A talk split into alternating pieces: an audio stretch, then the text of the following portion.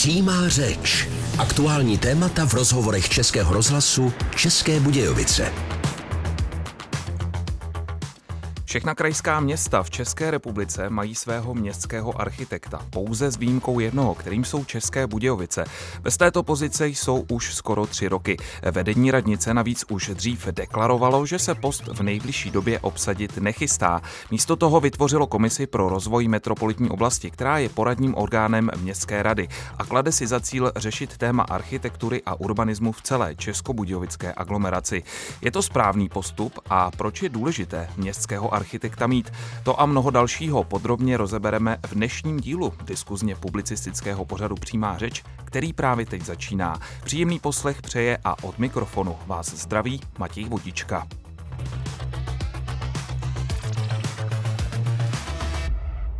Přímá řeč. Aktuální témata v rozhovorech Českého rozhlasu České Budějovice. Dnešní díl přímé řeči věnujeme architektuře, lépe řečeno debatě nad tím, zda mají nebo nemají České Budějovice mít svého městského architekta. Eh, jak jsme už zmiňovali v úvodu pořadu, České Budějovice jsou aktuálně jediným krajským městem v republice, které tento post obsazený nemají. Pozvání do diskuze dnes přijala Kateřina Čechová, vedoucí kanceláře městského architekta v táboře. Dobré dopoledne. Dobrý den. A dalším hostem je pak architekt a šéf-redaktor časopisu Era 21 Filip Landa, člen Českobudějovické městské komise pro rozvoj metropolitní oblasti. Hezký den. Dobrý den. Právě na Filipa Landu směřuje moje první dnešní otázka. Můžete na úvod stručně schrnout, od kdy jsou České Budějovice bez hlavního architekta a případně jak dlouho měla radnice tuto funkci obsazenou? Tak České Budějovice nemají architekta uh, bezmála tři roky. Předtím tady byl sedm let, od roku tuším 2014 do roku 2021 eh, městský architekt Jan Němec, ale ta situace byla trošku nestandardní, protože on tady byl jenom na externí smlouvu, na mandátní smlouvu a v Budějovicích se vyskytoval jednou až dvakrát eh, týdně, což si myslím, že na město velikosti Českých Budějovic je extrémně málo. No a potom tady byl vlastně eh, útvar hlavního architekta, což byl normálně odbor magistrátu, který eh, vedl dopravní inženýr a nějakým způsobem s tím eh, městským architektem Janem Němcem fungovali na té konzultační rovině. Mm-hmm, děkuji za odpověď. No a druhá otázka směřuje samozřejmě také na Kateřinu Čechovou, protože město Tábor založilo kancelář architekta města zhruba před více než rokem a půl. Eh, její vedoucí, tedy Kateřiny Čechové, se ptám, jak vlastně tento služebně nejmladší táborský městský odbor funguje. Co je jeho hlavní náplní a cílem? Mm-hmm. My jsme vznikli na podzim roku 2022 a vznikli jsme oddělením od eh, táborského odboru rozvoje na něm vlastně zůstala ta agenda rozvoje města eh, v přenesené působnosti státní zprávy, to znamená pořizování územního plánu, územně analytických podkladů a další. A na nás vlastně přešly z toho odboru eh, ty agendy v působnosti samozprávy. A jsou to vlastně věci od eh, strategického plánování přes zprávu digitální technické mapy, zásady spolupráce s investory až po vyjadřování se k existenci sítí. K tomu vlastně přibyla jakoby naše vlastní agenda, což je příprava významných městských investic, takže organizace soutěží. U menších eh, záměrů jsou to eh, nějaké jiné typy výběrových řízení, kde se snažíme zohlednit eh, kvalitu architektů, případě architektonického návrhu. Jo, je to možná takový, um, zároveň teda, možná bych to ještě dořekla, jo.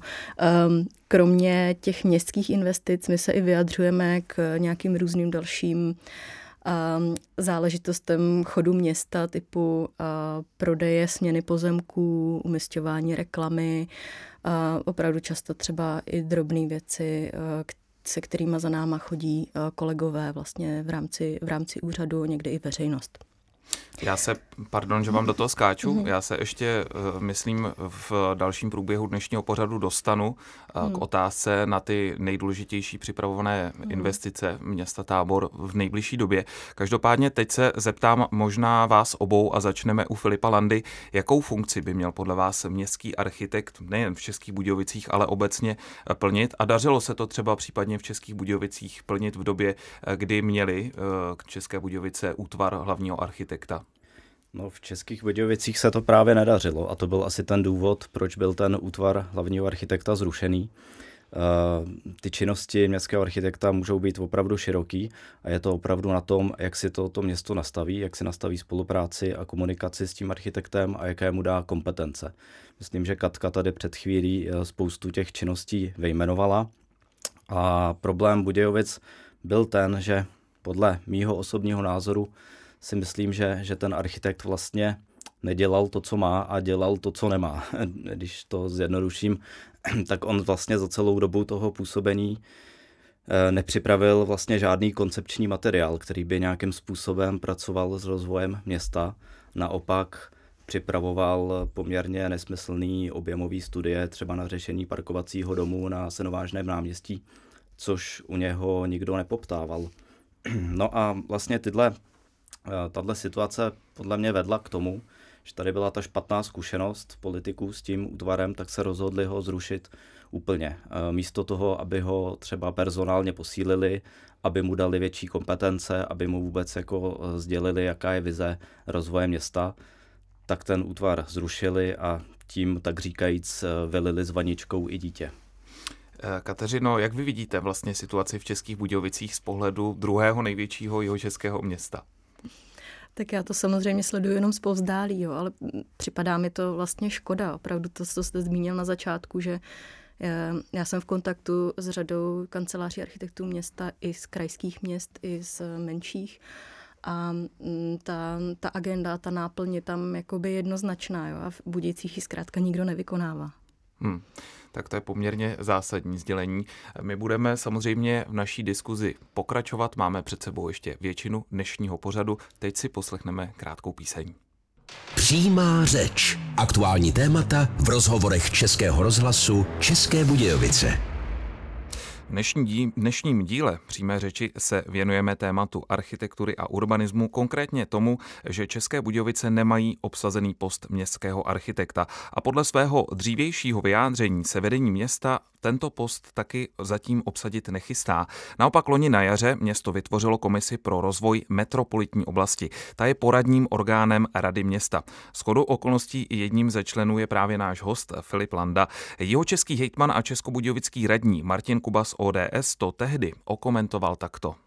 My si myslíme, že v téhle chvíli je ta cesta mnohem rozumnější, protože hledáme odborníky, kteří by se dokázali dívat na tuhle tu oblast skutečně jako na jeden funkční celek. Myslíme si, že kdyby se hledal jenom městský architekt, který se bude zabývat jenom nějakou architekturou a urbanismem ve městě, tak by to nebylo funkční. Naším cílem je opravdu tu aglomeraci vlastně formovat jako celek. Já na řadě těch projektů opravdu vidím, jak je to strašně důležité a jak to vlastně pomáhá a kdyby v téhle chvíli jsme se zabývali jenom městským architektem a městem jako takovým, tak by to z našeho pohledu prostě nebylo tak efektivní. Kateřina Čechová, vedoucí kanceláře městského architekta v táboře, kroutila hlavou během toho, co poslouchala slova jeho českého hejtmana. Tak se vás zeptám, je to správný postup eh, v Českých Budějovicích, že vlastně město nemá městského architekta, naopak vytvořilo komisi pro rozvoj metropolitní oblasti, hmm. která má i když to nezaznělo úplně přímo, asi suplovat roli městského hmm. architekta. Hmm. Já se právě domnívám, že tam došlo k nějakému jako neporozumění té situaci, co jako která z těch organizací, orgánů má jakoby vykonávat. My třeba máme kancelář architekta města, ale zároveň máme komisi pro architekturu a urbanismus. To není buď a nebo. Jo? Ta komise má vlastně jinou roli. Ona je to poradní orgán rady, a je, jsou to experti, kteří kterým záleží na městě, jsou ochotní si jednou za dva měsíce najít čas a udělat si názor na nějaký konkrétní problém a s tím názorem se podělit. Oni už nejsou ti, kdo vám zpracují studie proveditelnosti, kdo to město budou nějak systematicky analyzovat, kdo budou projekty dotahovat k realizaci. To je vlastně opravdu jako za mě toto určitě komise metropolitní je bezvadný, bezvadný nápad a skvělá věc a určitě by dobře doplnila činnost kanceláře architekta města České Budějovice. Stejnou otázku položím samozřejmě i Filipu Landovi, který s chodou okolností je členem Komise pro rozvoj metropolitní oblasti. Může podle vás tahle komise suplovat roli městského architekta? A jak se díváte třeba i na ten argument, že vedení města eh, i kraje se snaží řešit vlastně celou metropolitní oblast, jak sám hejtman Martin Kuba řekl, a nejen vlastně to samotné území města? No, já se samozřejmě dostávám na tenký let, protože jsem členem té komise, ale uh, já si myslím, že ta komise je bezvadná právě z hlediska toho strategického plánování, z hlediska jakoby toho celostního pohledu na město a jeho aglomeraci. Určitě je to bezva nápad uh, pozvat si odborníky, kteří budou nějakým způsobem koordinovat rozvoj Budějovic i uh, v souladu s okolními obcemi. Ale Eh, suplovat činnost městského architekta ta komise nemůže. Už jenom z toho důvodu, že ona se schází eh, zhruba jednou za čtvrt roku. Mimochodem ona vznikla na jaře loňského roku a od té doby se sešla dvakrát. A eh, tady je potřeba prostě mít ještě tu operativní úroveň, kterou musí vykonávat nějaká, nějaký aparát, který má třeba 10 zaměstnanců na plný úvazek. Ona vlastně ta komise, eh, tak jak je teďka postavená, ta, ta metropolitní komise, tak trošku kopíruje model převzatý z Rakouska, anebo eh, model, který podobně funguje třeba v Liberci nebo v Karlových Varech, kde právě mají eh, takzvanou radu architektů. A ta je složená z odborníků, kteří poskytují nějakou zpětnou vazbu právě té kanceláři architekta města. Takže jak Karlovy Vary, tak Liberec mají prostě potom 7, eh, 8 až 10 zaměstnanců, kteří na plný úvazek se tomu městu a jeho rozvoji věnují. A tady v Budějovicích je jenom ta komise a už není, te, uh, už není kdo by odpracoval vlastně to, co ta komise odborně jakoby doporučí. Mě zajímá teď i názor eh, Kateřiny Čechové. Zeptám se, jestli i vaše kancelář se zaměřuje třeba na širší okolí tábora nebo řešíte skutečně eh, pouze území města, protože tam je vlastně taky velmi rozlehlá zajímavá oblast, ať už vezmeme v potaz města s táborem těsně sousedící, jako jsou se zimovou ústí nebo planá nad Lužnicí. A dává podle vás to vytvoření Komise pro rozvoj metropolitní oblasti v Českých Budějovicích jako smysl z nějakého ohledu? Hmm. Um, my jsme součástí táborské samozprávy, to znamená tam, kam sahá eh, pravomoc tábora, tak tam uh, my jsme ochotní uh, jako nasazovat naše, naši práci. A pokud by to mělo sahat už do, um, do oblastí jako v jiných samozpráv, tak by to muselo přijít nějakou, um, nějakou jako dohodou vlastně těch uh, samozpráv zřejmě na úrovni Eh, vedení těch měst. Jo. A je to samozřejmě eh, škoda, do toho hodně na vrub eh, té samozprávní roztříštěnosti, kterou v Česku máme. 6 tisíc obcí je přece jenom 6 tisíc obcí a kdyby každá z nich měla mít městského architekta, tak um, vlastně nevím, jestli vůbec je to jako v silách těch obcí něco takového um, uřídit. Uh, a u nás vlastně ta táborská aglomerace, což je tábor se zimovou ústí, planá nad Lužnicí, má víc než 50 tisíc obyvatel. Uh-huh. A ty, tyhle tři obce konkrétně jako fungují v nějaký, nějaký jako provázaných vazbách. Už dneska je tam spolupráce na, na systému veřejné dopravy, a funguje tam společný systém odkanalizování toho území a já si klidně umím představit, že ten rozvoj města by mohl, souměstí nebo aglomerace by taky mohl být řešen v koordinaci. Určitě by to tomu prospělo.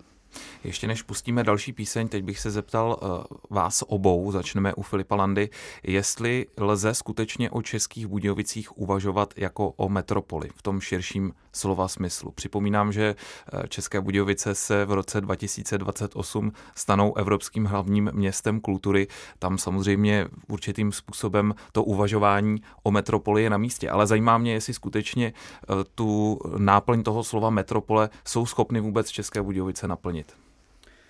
Eh, no, museli bychom si vydefinovat slovo metropole. Možná v nějakém celosvětovém pohledu by tuhle definici nesplnila ani Praha ale eh, pohledem jeho českého kraje bez pochyby České Budějovice metropolí jsou. Eh, bez pochyby ta komise, pokud se jmenuje metropolitní nebo komise pro rozvoj metropolitní oblasti, tak si myslím, že to je jako správný uvažování, protože eh, cílem je skoordinovat nějakým způsobem zájmy právě těch jednotlivých samozpráv, které jsou s Budějovicema nějakým způsobem funkčně propojené, ale vlastně formálně nepatří do katastru města. Budějovice jsou eh, město s extrémně malým katastrálním územím, vlastně v porovnání s jinými krajskými městy.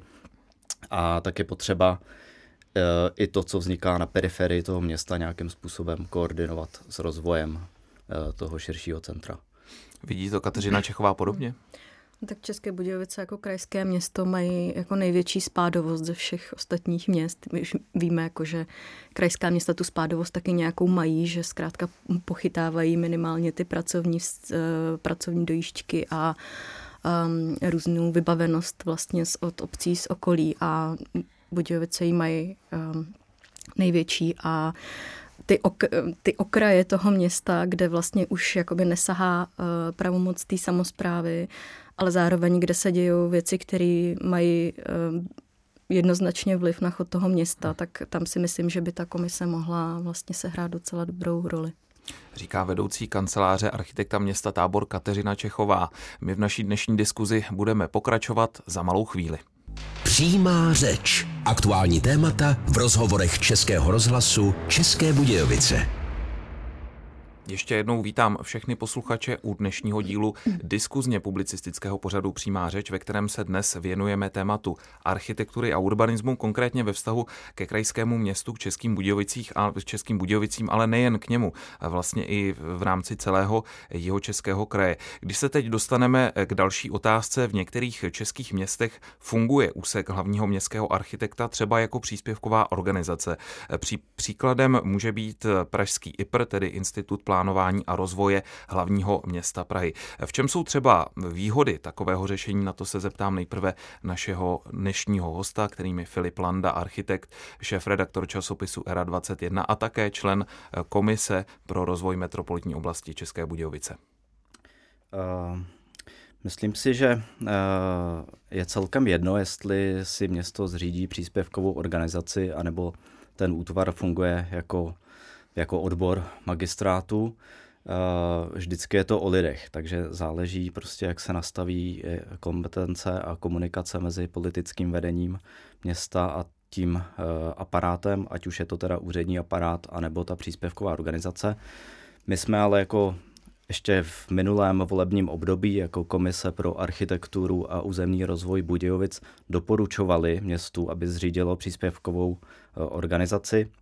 Eh, která jako má jisté výhody oproti tomu odboru a ta největší asi výhoda je, že je to vlastně atraktivnější pro, eh, pro architekty, eh, aby se třeba hlásili na pozici ředitele takové organizace.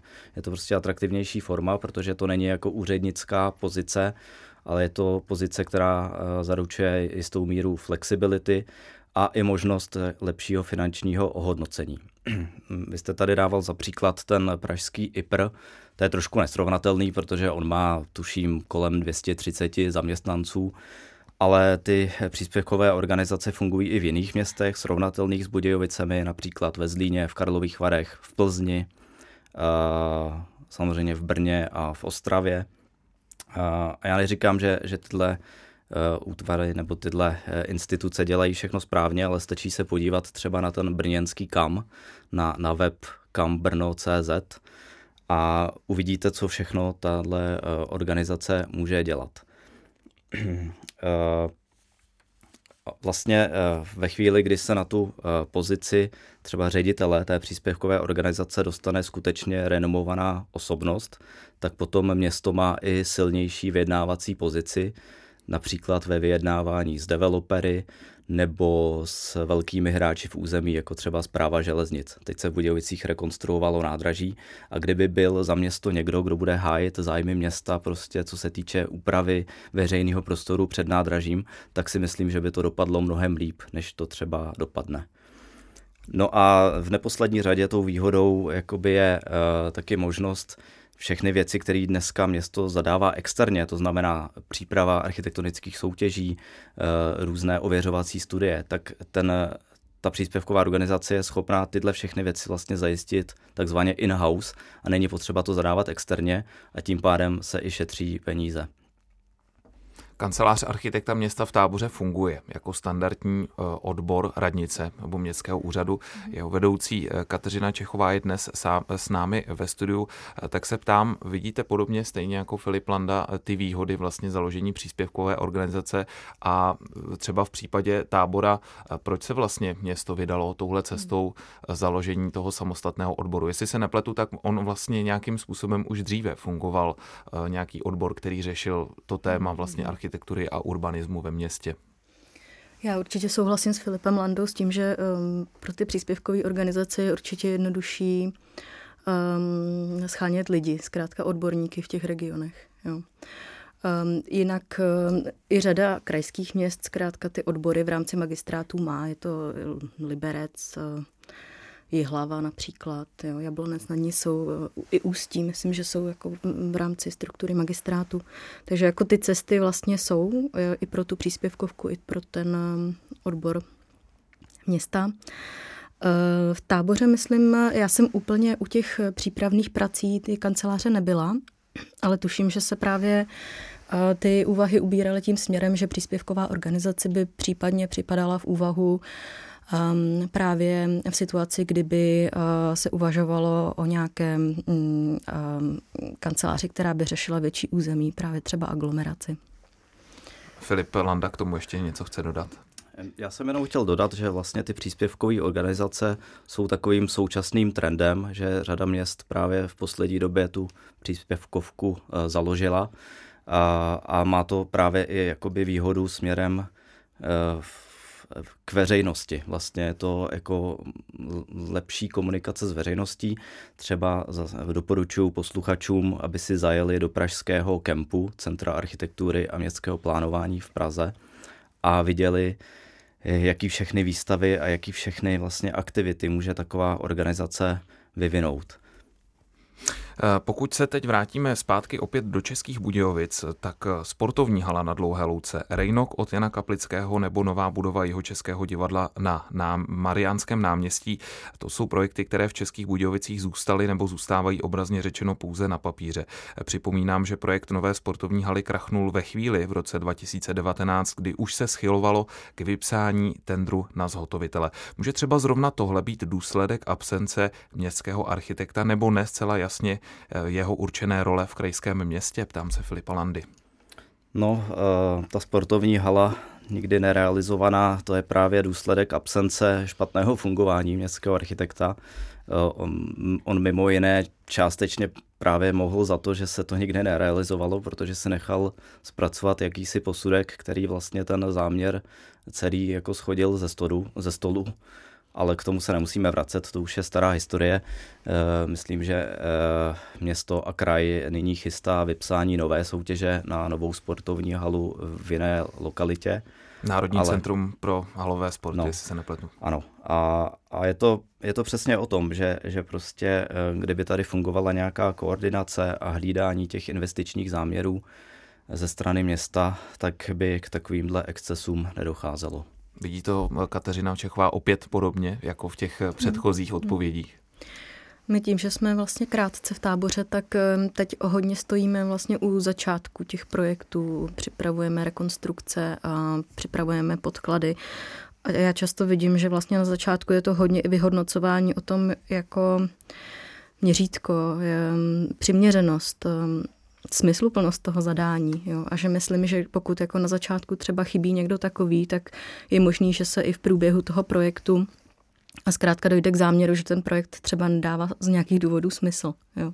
A tohle si myslím, že je něco, co když si jako vyříkáte, vyjednáte v rámci města se všemi možnými účastníky už na začátku, tak se zkrátka můžete vyhnout řadě problémů v pozdějších fázích, kdy už máte naprojektováno za mnoho milionů, kdy jsou v tom očekávání spousty lidí, kdy zkrátka ten projekt může pak být jako ve větších problémech, než jakých by musel být které projekty aktuálně řeší a připravuje kancelář architekta města Tábor, tak o tom budeme mluvit, ale až za malou chvíli. Přímá řeč. Aktuální témata v rozhovorech Českého rozhlasu České Budějovice. Absence městského architekta v Českých Budějovicích, to je téma, kterým se dnes zabýváme v přímé řeči. My jsme se už dříve zeptali na názor architekta Petra Hornáta, vedoucího odboru regionálního rozvoje územního plánování a stavebního řádu jeho Českého kraje. Petr Hornát je zároveň také členem Českobudějovické komise pro rozvoj metropolitní oblasti. Podle něj je problém v tom, že krajské město nemělo v minulosti jasno, co vlastně od pozice městského architekta očekává. Městský architekt by si ten tým měl postavit podle toho, co se po něm chce, jaké úkoly se od něj očekávají, aby plnil. To, že vznikne nejdřív útvar a pak hledám městského architekta, si myslím, že to bylo jako velmi nešťastné rozhodnutí. Nemyslím si, že když se obsadí pozice městského architekta, že se tím všechno vyřeší a čeká nás jakási růžová budoucnost. Pokud by se našlo nějaké téma, které by vlastně vytvořilo možnost pro vznik instituce eh, městského architekta. Pak je vlastně skoro jedno, jestli je to odbor na městě nebo jestli je to ta často zmiňovaná příspěvková organizace, protože vy potřebujete ji nějakým způsobem naplnit a vidět, co po ní máte chtít. Slyšeli jsme názor Petra Hornáta, vedoucího odboru regionálního rozvoje územního plánování a stavebního řádu jeho Českého kraje. Zeptám se nejprve Kateřiny Čechové, vedoucí kanceláře městského architekta v táboře. Petr Hornát mluvil o tom tématu, pokud se najde téma. Co by vlastně mělo být tím tématem, když to hodně zjednodušíme? Já bych jenom možná zareagovala ještě na to, co pan architekt říkal mm, ve smyslu určitě. jako hledání té náplně. Jo. To je vlastně to, co kancelář architekta města Tábora dělá první půl roku. Jo, já jsem se vlastně se všema scházela a my jsme si vydefinovávali, čemu my se vlastně máme věnovat. Jo. A je to, to trošku taky takový uh, průbířský kámen toho, toho uh, vedoucího té kanceláře. Um, jakým způsobem vlastně si jakoby vyjedná tu svoji, to svoje téma, tu svoji agendu. Jo. U nás teda v rámci úřadu, tady by to zřejmě bylo v rámci, v rámci zkrátka e, dalších struktury příspěvkových organizací. Ale to, to si myslím, že klidně jako může, může město nechat na tom nebo na té vedoucí a nebo řediteli, ředitelce a, a uvidí se. Myslím, že z dřívějších odpovědí našeho dalšího dnešního hosta Filipa Landy už jasně vyplynulo, že vlastně útvar městského architekta v Českých Budějovicích a vlastně městský architekt, který tuto funkci zastával po sedm let, vlastně neměl jasně vydefinováno, co by vlastně ten jeho útvar a i funkce městského architekta měla dělat. Ale ono by to mělo mít vlastně vydefinované město, vedení města, magistrát jako celek. Je to tak. Já se s panem architektem Hornátem eh, shodnu na tom, že, že vlastně městu chybí jakási dlouhodobá vize, eh, chybí tady nějaká kontinuální koncepční práce, ale to město vlastně má tu vizi částečně ukotvenou samozřejmě v územním plánu. Eh, město České Budějovice samozřejmě taky má strategický plán, a tam třeba v tom strategickém plánu mimochodem je právě napsaný černý na bílým, že by tady měl být městský architekt. Takže další jakoby věc, která prostě je k diskuzi a je otázkou, proč tu není. V tuhle chvíli se odebereme z Českých Budějovic zpátky do tábora. Zeptám se Kateřiny Čechové, které projekty aktuálně řeší a připravuje vaše kancelář. Myslím, že je jich poměrně hodně. Je jich hodně, tak asi bych eh, vybrala několik málo. Takovým velkým Velkým soustem pro nás je příprava nové čtvrti dvorce v bývalých Žižkových kasárnách v táboře. A je to asi 11 hektarové území, na které už v předchozím volebním období proběhl urbanistický workshop a my dál vlastně pracujeme um, s, s vítězkou té, toho workshopu. Došlo vlastně ke zpracování územní studie na to celé území.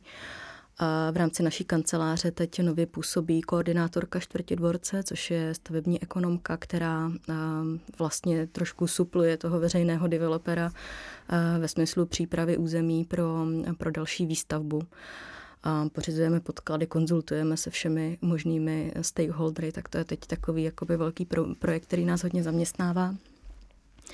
Eh, na opačné mm, spektru velikosti je eh, třeba eh, malá část Křižíkova náměstí v centru tábora, kterému říkáme plácek u žabek podle takové oblíbené fontány s keramickými žabkami.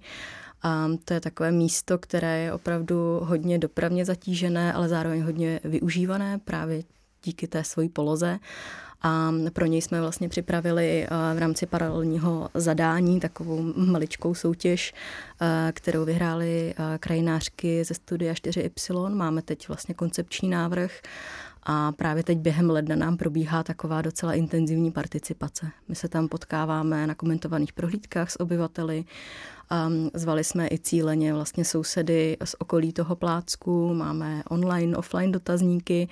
Um, zkrátka sbíráme vše možné podněty uh, k tomu, aby, uh, abychom dostali vlastně dobrou zpětnou vazbu na tu základní koncepci a mohli jsme dál pokračovat vlastně v zadání um, dopracování té studie a v dalších projekčních pracech. Vy jste taky nedávno měli setkání s veřejností, kde jste prezentovali vaši práci.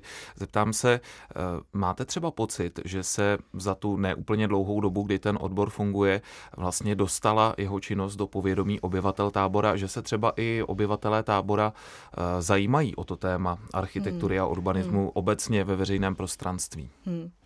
My jsme teda spustili eh, před nedávnem eh, facebookový profil kanceláře architekta města, kde sbíráme fanoušky obrovským tempem. A jinak ehm, já bych řekla, že vlastně obecně to bude asi ve všech městech. My máme takový jako úzkou, poměrně úzkou skupinu jako kamarádů, řekněme, lidí, kteří se zkrátka o ten rozvoj města zajímají. Zajímali by se tak jako tak a v nás zkrátka mají toho partnera, který s nimi komunikuje. To jsou lidi, kteří, když eh, na naše akce nepřijdou, tak víme, že jsme udělali něco jako fatálně špatně. Um, když přijdou, tak jsme rádi, ale víme, že pořád mluvíme k nějaký svojí bublině a sociální a nejradši jsme, když se nám podaří jako uspořádat něco, eh, kde zkrátka vtáhneme do dialogu právě i lidi, kteří se o ten rozvoj města třeba um, úplně automaticky nezajímají, ale tohle konkrétní téma je třeba zaujalo. Zpátky do krajského města. My jsme se tady bavili o těch stavbách, na jejichž realizaci nikdy nedošlo, ale nemusíme se bavit pouze o těch, které zůstaly v šuplíku. Chybělo málo a nedošlo třeba ani na přestavbu kulturního domu Slávě. S problémy se potýkal třeba i projekt na rekonstrukci parku Dukelská v Českých Budějovicích. Mohl třeba i v těchto případech sehrát roli fakt, že post městského architekta v Českých Budějovicích už v té době obsazený nebyl, ptám se Filipa Landy. No samozřejmě, ten městský architekt by zajistil lepší koordinaci, eh, lepší vlastně eh, dohlížení na kvalitu provedení. No už samozřejmě to se dá delegovat externě na nějaký technický dozor, ale když je na straně města prostě člověk, který nějakým způsobem sleduje eh, dlouhodobý vývoj toho města a Eh, ví, jaký jsou třeba koncepční materiály, jak se má pracovat s veřejným prostorem, jaký tam má být třeba mobiliář, jak se má přistupovat k povrchům, hmm. Eh, tak samozřejmě to je vždycky lepší. Eh, v Budějovicích je prostě problém, že se tady rozhodují ty projekty ad hoc. Když to hodně zjednoduším, tak prostě město dostane dotaci na nějaké dětské hřiště, tak nějaký náměstek od stolu prostě rozhodne, tak šup, dáme to tady do, na zatravněný plácek eh, do prostřed maláku, protože si myslíme, že to je dobrý a nemají na to vlastně žádný analýzy, žádný data, rozhodují se jenom podle nějakého vlastního pocitu, bez širších vazeb, bez návazností na cesty, na infrastrukturu a tohle se tady reálně děje, takže eh, bohužel, kdyby tady byl někdo, kdo vlastně jakoby sleduje nějaký dlouhodobější eh, koncepční rozvoj toho města, tak by dohlížel na to, aby všechno bylo koordinované. Každopádně počet staveb vzešlých z architektonických soutěží v krajském městě, ale mám pocit i v celém jeho českém kraji během posledních let roste. Nedávno například jeho český kraj oznámil vítěze soutěže na novou podobu mostu kosmonautů přes řeku Malši v Českých Budějovicích. Mimochodem bylo to poprvé od druhé poloviny 90. let, co se v Českých Budějovicích vypsala architektonická soutěž na nový most. Naposledy se to stalo v případě dlouhého mostu přes řeku Vltavu. Co podle vás přispělo přispělo k tomu, že se městská i krajská samozpráva častěji vydávají právě touhle cestou, tedy cestou architektonických soutěží? Já myslím, že Budějovice se svezly s celorepublikovým trendem, kdy si konečně eh, veřejní zadavatelé začínají uvědomovat výhody soutěží. Eh, samozřejmě architektonická soutěž není samospásná, je to prostě určitý nástroj, který ale eh, je zcela transparentní a je založený na kvalitativních kritériích. Nerozhoduje už jenom nabídková cena, ale rozhodují prostě taky i nějaké jiné kvality a hodnoty. A myslím, že konkrétně v Budějovicích taky tomu hodně přispěla aktivita spolku CB Architektura, konkrétně Mirka Vodáka a Tomáše Zdvihala, kteří architektonické soutěže dlouhodobě prosazují a propagují. Eh, náš čas už se pomalu blíží konci, ale ještě eh, obou našim dnešním hostům položím stejnou otázku, která jeho česká nebo jiná česká města eh, byste uvedla jako příkladná z hlediska fungování a náplně městského architekta. Zeptám se Kateřiny Čechové.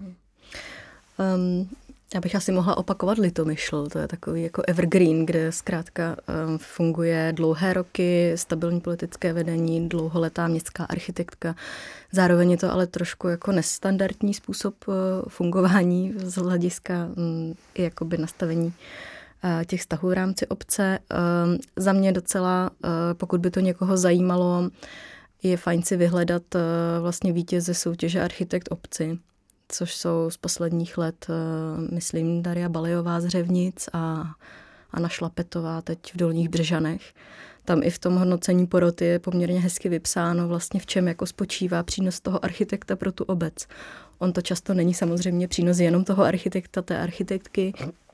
Velkou roli tam hrajou, um, hraje vedení těch obcí um, a i jako asi celková uh, celkové jako nastavení té společnosti, že zkrátka chtějí přijímat eh, nové změny, které se tam dějí.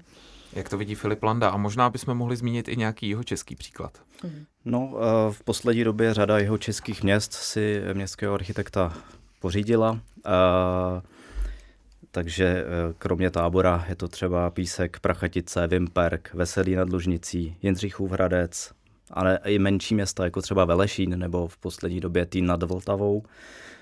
A myslím si, že na těch městech to pomalu začíná být vidět, byť ta zkušenost samozřejmě ještě není dlouhodobá, takže těžko hodnotit.